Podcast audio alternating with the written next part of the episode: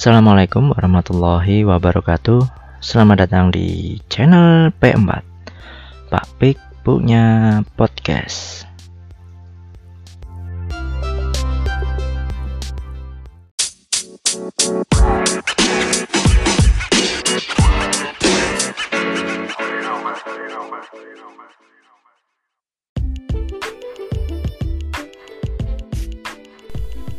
masih di channel P4 Pak Pik punya podcast.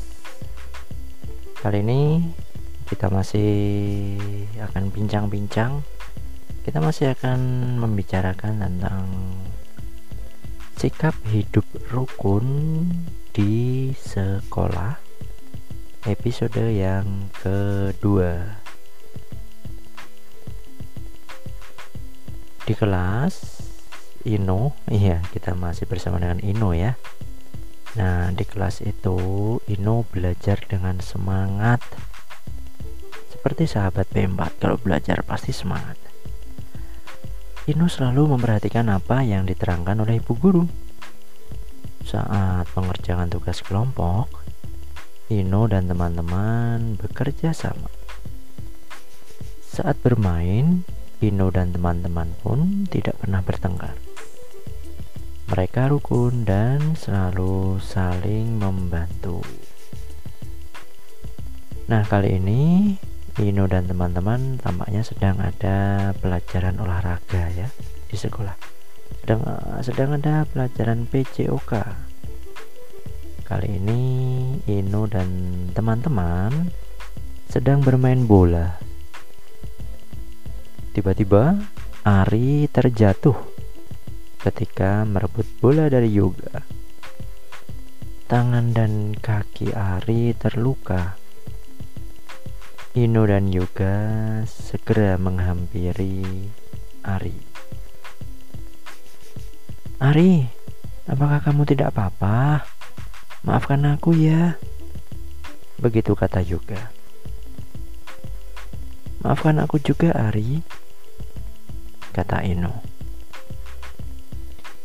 Hmm, nggak apa-apa, aku hanya luka sedikit kok. Itu jawab Ari. Eh Yoga, yuk tolong bantu aku membawa Ari ke UKS. Kata Ino mengajak Yoga. Baiklah Ino, kata Yoga.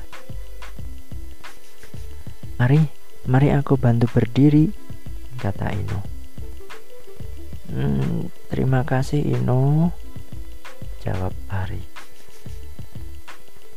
Ari, kamu pegang bahuku ya Kata Yuga hmm, Terima kasih teman-teman. Sudah membawaku ke UKS Begitu ucapan terima kasih dari Ari. Ino dan Yoga menjawab serempak. Sama-sama Ari Sesama teman memang harus saling menolong. Ya, itu tadi percakapan singkat. Nah, percakapan yang sangat menggambarkan kehidupan yang sangat rukun ya. antar teman antara Yoga, Ino, dan Ari. Sebuah ketidaksengajaan Ari terjatuh, tetapi Yoga dan Ino langsung meminta maaf kepada Ari. Dan Yuga dan Indo pun segera membantu Ari untuk mengobati luka-lukanya. Luar biasa persahabatan mereka, kehidupan mereka yang sangat rukun. Tidak bertengkar, tidak marah-marah.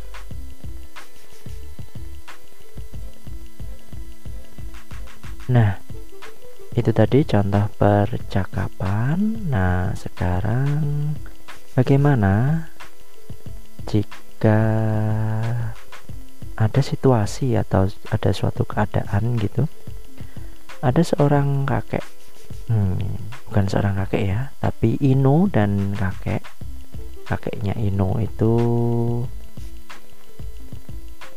bernama Eyang Kismo nah, masih ingat ya Eyang Kismo jadi uh, kakeknya Ino ini yang bernama kakek Kismo meminta Inu untuk mengambilkan segelas air.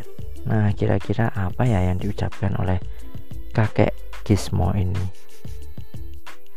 Iya, betul sekali. Kira-kira ucapannya begini nih. Eh, Ino, uh, tolong ambilkan kakek segelas air ya. Ino pun segera menjawab, Baik kek, aku akan ambilkan segelas air. Nah, seperti itu mungkin ya. Kira-kira mungkin yang dikatakan kakek Gizmo kepada Ino dan Ino pun segera menjawab, segera menuruti apa yang diminta oleh kakek. Lain halnya dengan Maya dan ibunya ini. Ibu menyuruh Maya mencuci piring dengan sabun. Kira-kira apa ya yang disuruh ibu kepada Maya? Mungkin ibu nyuruhnya gini nih. Maya, tolong bantu ibu mencuci piring itu dengan sabun ya. Maya pun menjawab, Baik bu, aku akan membantu ibu. Aku senang membantu ibu. Nah,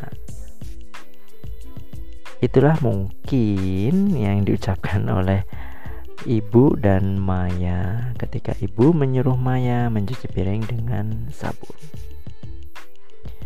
Setelah ibu dan Maya, sekarang kita lihat ibunya Citra ini. Ibunya Citra menyuruh Citra membeli tepung terigu dan gula ke warung. Kira-kira apa yang diucapkan oleh ibu Citra? Mungkin seperti ini ya. Citra, Tolong belikan terigu dan gula di warung. Baik, Bu. Aku akan segera berangkat. Nah, begitu jawab Citra. Ya, itu tadi beberapa contoh kalimat perintah dan juga kalimat uh, jawaban atas perintah itu. Kita kalau mau memerintah mungkin pemerintah juga harus dengan baik, dengan sopan, ada cara-caranya ya. Tidak kemudian asal perintah, asal membentak, asal marah dengan suara keras. Wah, tidak perlu. Cukup dengan suara yang lembut, dengan kata-kata yang baik, maka orang yang kita perintah akan menuruti apa yang kita inginkan. Tapi sebaiknya kalau memang bisa dilakukan sendiri, ya lakukan sendirilah dan lihat-lihat loh siapa yang diperintah. Jangan sampai kita justru kebalik nih. Memerintah ayah atau ibu kita atau bahkan kakek kita atau nenek kita ya menyuruh orang yang lebih usianya lebih dewasa daripada kita. Sebisa mungkin kita lakukan semua hal itu sendiri mandiri. Ya, sopan santun ya melakukan perintah tadi itu menggambarkan juga sesuai juga dengan sila-sila Pancasila. Nah, sahabat P4 tentu sudah hafal ya bagaimana Pancasila itu. Sila pertama sampai sila kelima dan juga lambang-lambangnya atau uh, simbol sila Pancasila, lambang sila Pancasila. Yuk, sahabat P4, kita sekarang membaca uh, membacakan Pancasila mulai dari sila yang pertama. Bareng-bareng ya dengan Pak Pik. Satu, dua, tiga. Pancasila. Satu, ketuhanan yang Maha Esa. 2. Kemanusiaan yang adil dan beradab. 3. Persatuan Indonesia. 4. Kerakyatan yang dipimpin oleh hikmat kebijaksanaan dalam permusyawaratan perwakilan. 5. Keadilan sosial bagi seluruh rakyat Indonesia. Ya, itu tadi Pancasila sudah dibaca bareng-bareng. Dan Pak Pik yakin sahabat B4 juga hafal dengan Pancasila. Harus hafal dong. Ya, sekarang lambangnya apa ya? Sila pertama. Ketuhanan yang Maha Esa dilambangkan dengan bintang emas. Sila kedua. Kemanusiaan yang adil dan beradab dilambangkan dengan rantai emas. Sila ketiga, Persatuan Indonesia dilambangkan dengan pohon beringin. Sila keempat, kerakyatan yang dipimpin oleh hikmat kebijaksanaan dalam permusyawaratan perwakilan dilambangkan dengan kepala banteng. Dan sila yang kelima, sila yang terakhir, keadilan sosial bagi seluruh rakyat Indonesia dilambangkan dengan padi dan kapas.